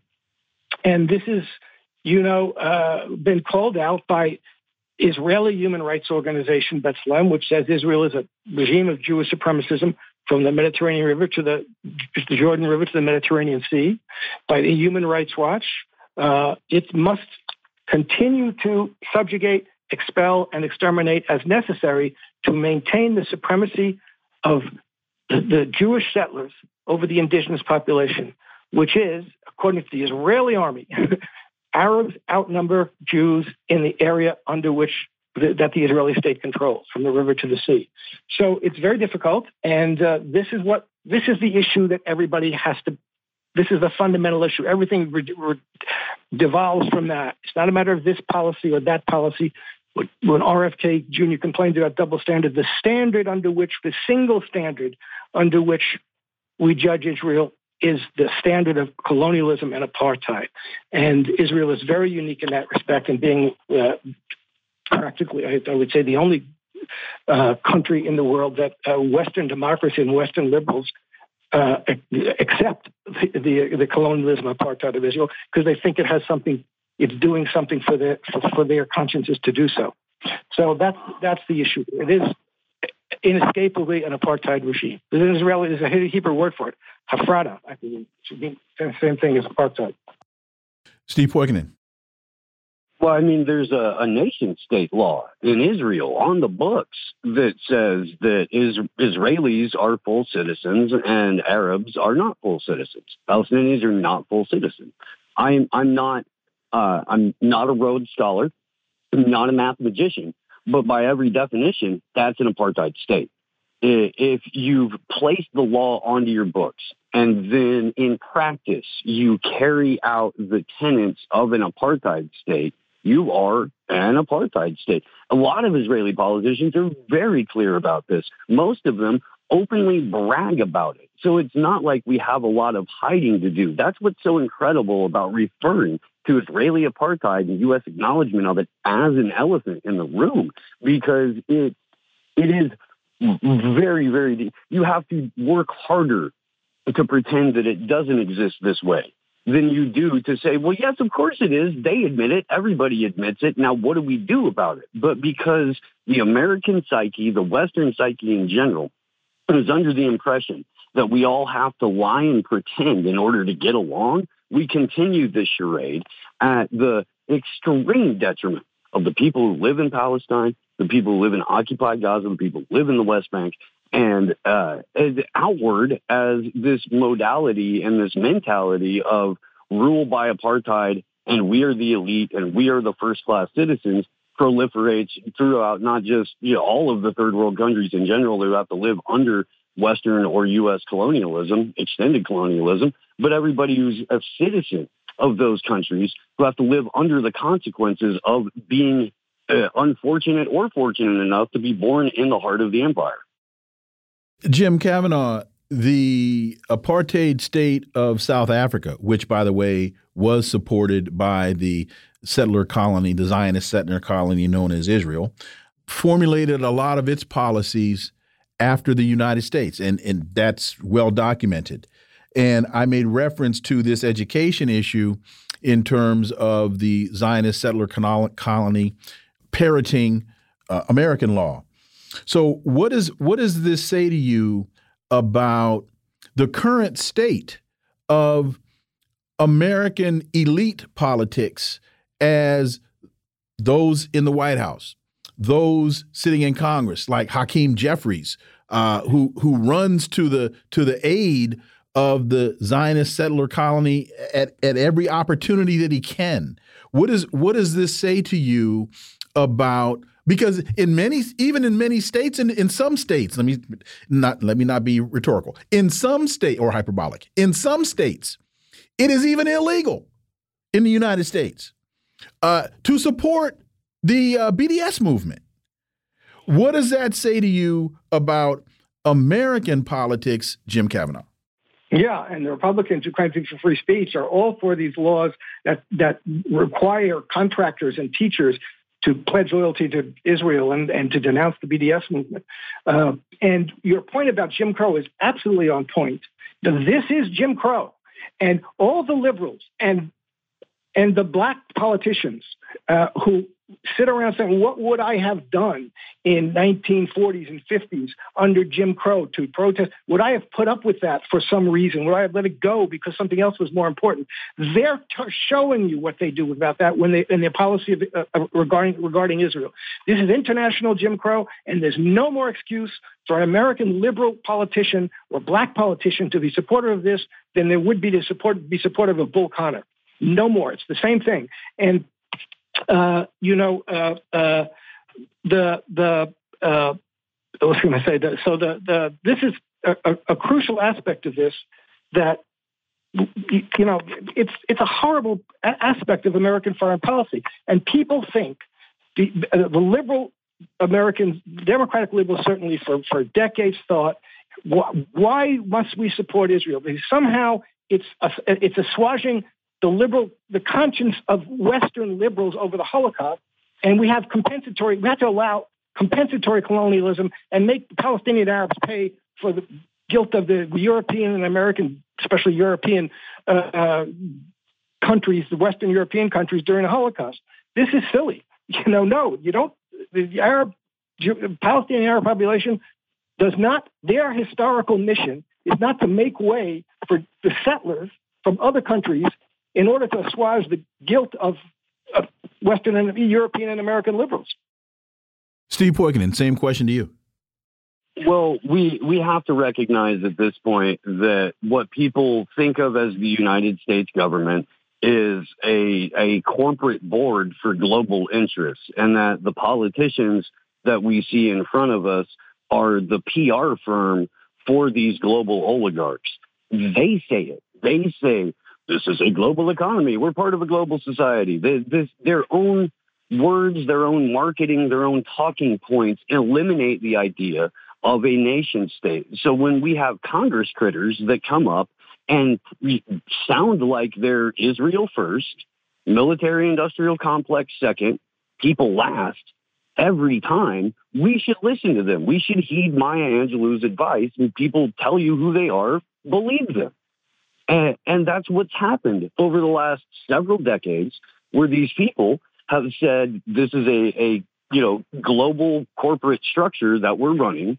You are uh, physical serfs. You're going to become digital serfs. There's nothing that you can do about it. And by the way, the uh, only form you have to organize uh, in the digital space is all also a completely state captured entity. Um, we, we should believe them. We should. We should really believe them. Although we can do something about it, and I think a lot of people are are certainly giving it a shot. Final question about this: Does it mean anything that in 2013 that this story is in the Washington Post, Dr. Jim Kavanagh? It even means something in 2023. uh, I presume that's what you meant to say. That is what I meant uh, to say. Thank you. Yeah, the, yes, it does. I think. You know, I, I think it's as Steve just said, it's becoming harder to ignore this. It's really, it's really very difficult to pretend, to find a way to try and pretend that Israel isn't an apartheid uh, state. You know, the Israeli Human Rights Organization says it. Human Rights Watch says it, which avoided this for, for years. So, and the, what we're seeing on television and it's not necessarily on television, but on social media, certainly if you look at it and watch it, the demolition of Palestinian homes, the filling up of wells with, with concrete, the dumping of feces and urine on uh, Palestinians walking down the street in Hebron, you know, the, the attempt to reinvigorate the Nakba and have, which is what's going on right now, they need another more massive expulsion of Palestinians. And that's what they're looking to do, and that's what this far right regime is looking to in Israel now is looking to do. So it's becoming harder to ignore. And I think it is significant, uh, uh, although it's just a bit of uh, uh one thing in the post, we have to see it uh, get worse. And in fact, what's happening with the you know the Israeli protesters are helping this out, out too. And Steve, same question to you in 2023. What does it say to you that an article of this nature is in the Washington Post? Well, it, it's saying that the marketing has met reality. And this really started, uh, I think, in 2021 when major news reports were reporting on, um, uh, what was it? Uh, was it Jenin at the time? Probably.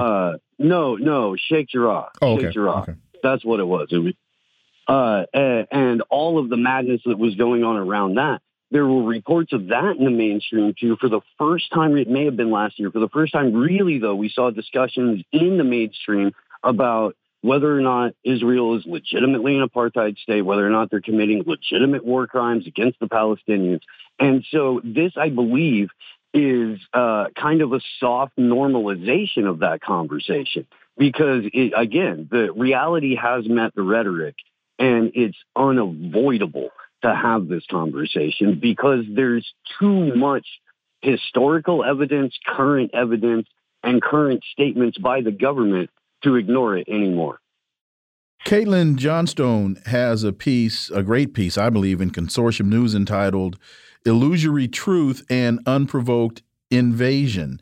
The mainstream media repeated assertion that Russia's invasion of Ukraine was unprovoked defies facts and journalistic standards, yet has managed to permeate the collective consciousness of the West. Dr. Jim Kavanagh. Yes, it's a very, very nice piece, you know, which talks about how the constant repetition of a phrase, unprovoked invasion, you can't write the word invasion in the Western press about the Russian attack um, on Ukraine without preceding it with the word unprovoked. It must be unprovoked invasion. And this is the way in which the repetition of that, the constitutional repetition of that, creates what she calls an illusory truth, truth effect, which is that hearing something many times gives you the expectation of hearing that it's true. If you heard so much, it must be true. And that's a very powerful thing that they use in a lot of ways. It's the word debunked.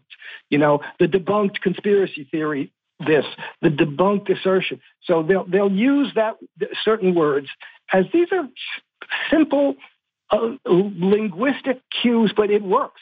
It works when you have an overwhelming repetition.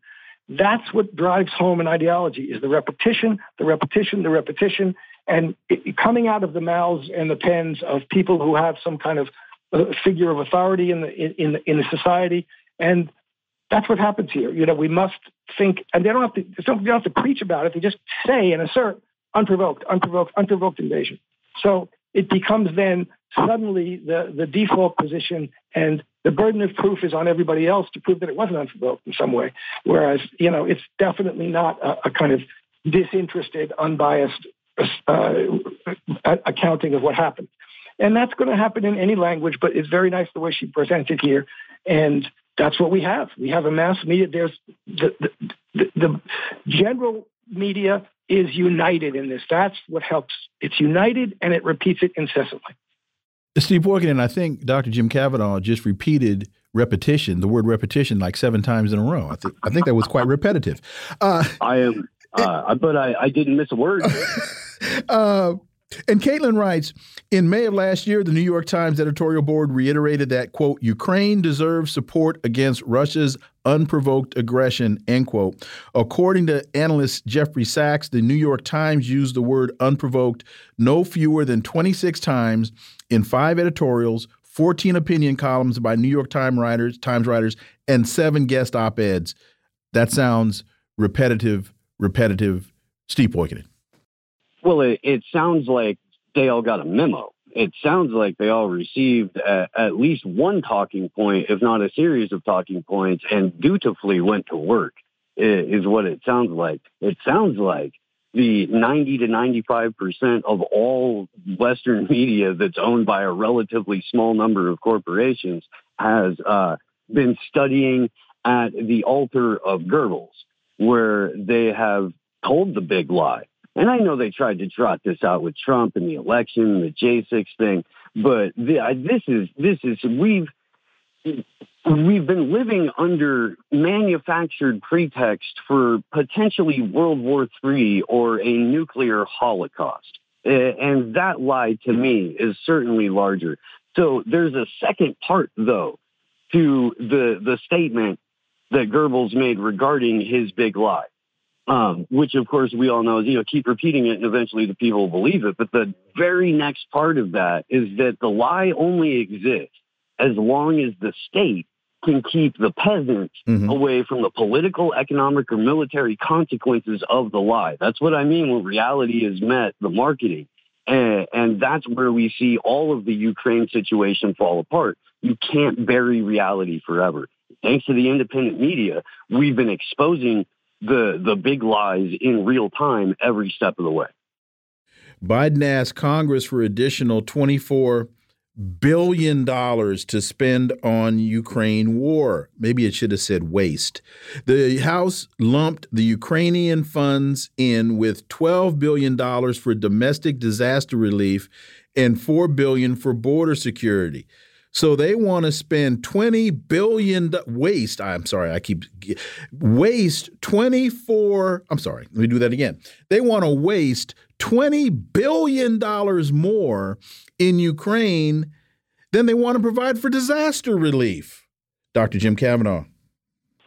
Well, this is a good example of what Steve was just talking about. It's the rhetoric is running into reality, and the big lie is running into. I mean, people in the United States who are living in cities that are overwhelmed with homeless people, uh, who can't pay their rent, who whose children cannot find an apartment, even if they have a job that uh, they can afford, you know, are seeing this time and again now 130 some billion dollars total now being given to Ukraine. We're going to get together, the president and the Congress, in an emergency supplemental package that's not limited by the debt ceiling deal, by any debt ceiling deal, because the Congress and the president agree on this, the Democrats and the Republicans. We can put out $24 billion in the snap of a finger if we want to do it for something that we think is important. And anybody, eh, no American who sees this cannot not say to themselves, why is this more important to do than to make sure people in the United States have homes, can, can afford school, can afford food, can afford place to live? And there's no good answer to that. And this is not going to work out well eventually. I mean, they, they have to try their best to, to hide this, pretend nothing happened, but it's very, it's becoming more and more difficult to do. Steve Poikonen I have always said that budgets are numeric projections of priority.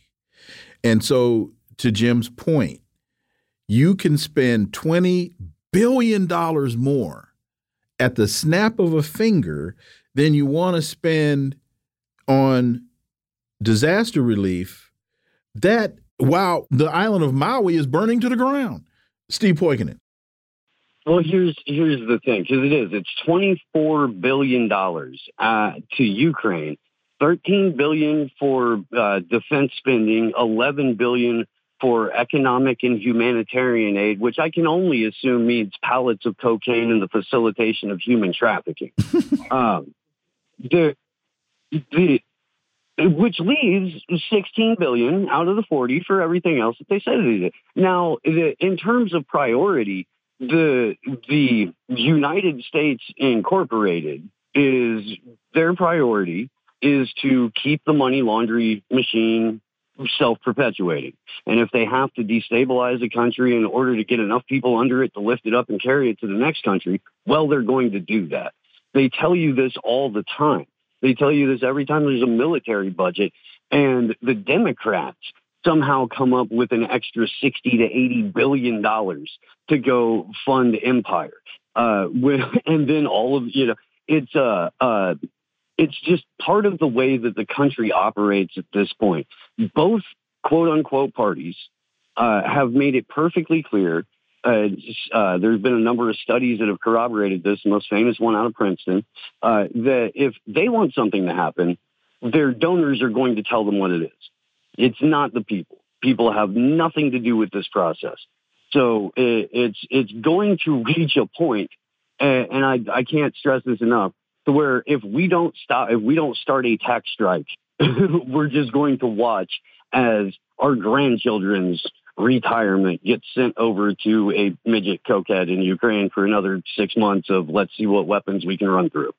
And Jim, to Steve's point about the people not being in support of this, that's not just rhetorical. CNN has polled and found that 55% of Americans are against more spending on the war in Ukraine.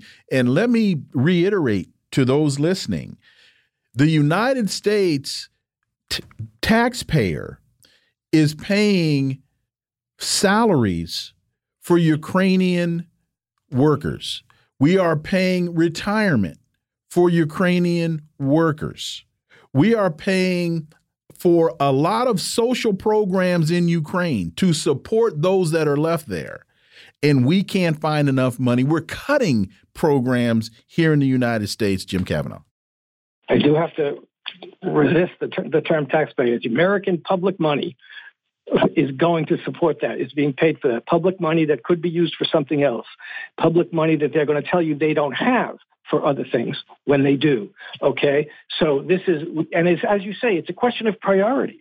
What is this for? Uh, this is not something that benefits the American people. Those programs that do benefit the American people are not being spent on. They're not spending the public money on. Well, it's going to Lockheed Martin. It's going to it's, it's going to Raytheon. This military aid, if you look at, you talked to Brian Berletic, I know you have him on the show. Yeah. And he demonstrates how this military, this military aid is not even going to buy weapons now. It's going to contracts to defense to defense companies that are going to build weapons that somehow will get to uh, Ukraine in a year or two in the future. So it's really all money that's going to. And those contracts are guaranteed. Yeah. They're get yeah. even so if the if the war ends tomorrow, if not another bullet is fired, if not another missile is launched, those contracts are guaranteed. Yeah. So, you know, it does demonstrate what the political class, which, as Steve said, uh, is run by the donor class, thinks is important and of value and needs to be taken care of right away. Okay, it's not taxpayer money, but they will get the money. This is, as I said, for this oh, the debt ceiling issues and all of that stuff goes by the wayside. We don't have to talk about that. And they don't, they never have to talk about it. They wouldn't have to talk about it for Social Security or Medicare or Medicare for all. And they're telling you that, they're showing you that. We can come up with money for anything that we want if we have the resources for it. We will, we will, we want these resources. We want the military resources. We don't want the health resources. We, that's a decision that's made. Doesn't require any taxpayer money for that. They can do it, and they are doing it the things they want to do it for. So it's it's really an insult to watch this happen. And as you know, you say 55% of people don't. They don't. They don't. They're not, not just don't because we don't want to spend money in Ukraine. 55. But we don't want to go to war. We don't want to have a nuclear war. They're edging towards nuclear war here, and this is this is a, a demonstration that they're willing to do anything to continue this war with Russia in order to they think which they think they were going to do and they, haven't done, but they still think they still have some idea they're going to wear down Russia with this and destroy Russia But what they're doing is destroying the European and American economy. American, this is from the Libertarian Institute, American neo Nazi training forces in Maine to fight for Ukraine. Christopher Pohlhaus, a former Marine and prominent neo Nazi, has purchased land in Maine to train soldiers to fight for Ukraine. He sees the war against Russia as a unique chance to fight alongside the Azov battalion and defend a nearly all white nation. Steve Poikonen. I mean, it, at least we have some honest marketing about the Ukraine conflict coming out of somewhere because it, um, I was getting pretty tired of this. We're doing it because it was an unprovoked invasion nonsense. So uh, at least credit to what's his name, Pohlhaus, uh, for for not being afraid to to you know speak the actual reality of the situation. But look, I'm here for when the New Hampshire Free State Libertarians take up arms and march northward to Maine to fight the American neo-Nazi hordes.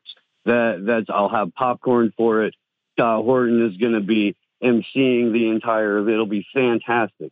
Um, I we we saw from uh, we saw tones of Azov and tones of that Ukrainian uh, operation as far back as 2014 in Charlottesville There's been some substantial reporting on it. Alex Rubinstein did it. Uh, Last American Vagabond did it. But this is, um, it, it's okay. So he's a neo-Nazi goon in Maine. I'm sure that he's serious about what he wants to do, but at the same time, uh, even people in Maine don't like to be around neo Nazis that much. So I would imagine it's going to be a rough go for Pohlhaus as he tries to get his uh, American Azov up and running. What are we going to do during lobster season in Maine? I guess, I guess that's the that's the question of, of, the hour, gentlemen. Thank you both so much. Greatly, as always, greatly, greatly appreciate your time. Greatly, greatly appreciate your analysis. Have wonderful weekends, and uh, we look forward to having you guys back. Thank you. Thank you, Wilmer. You take care.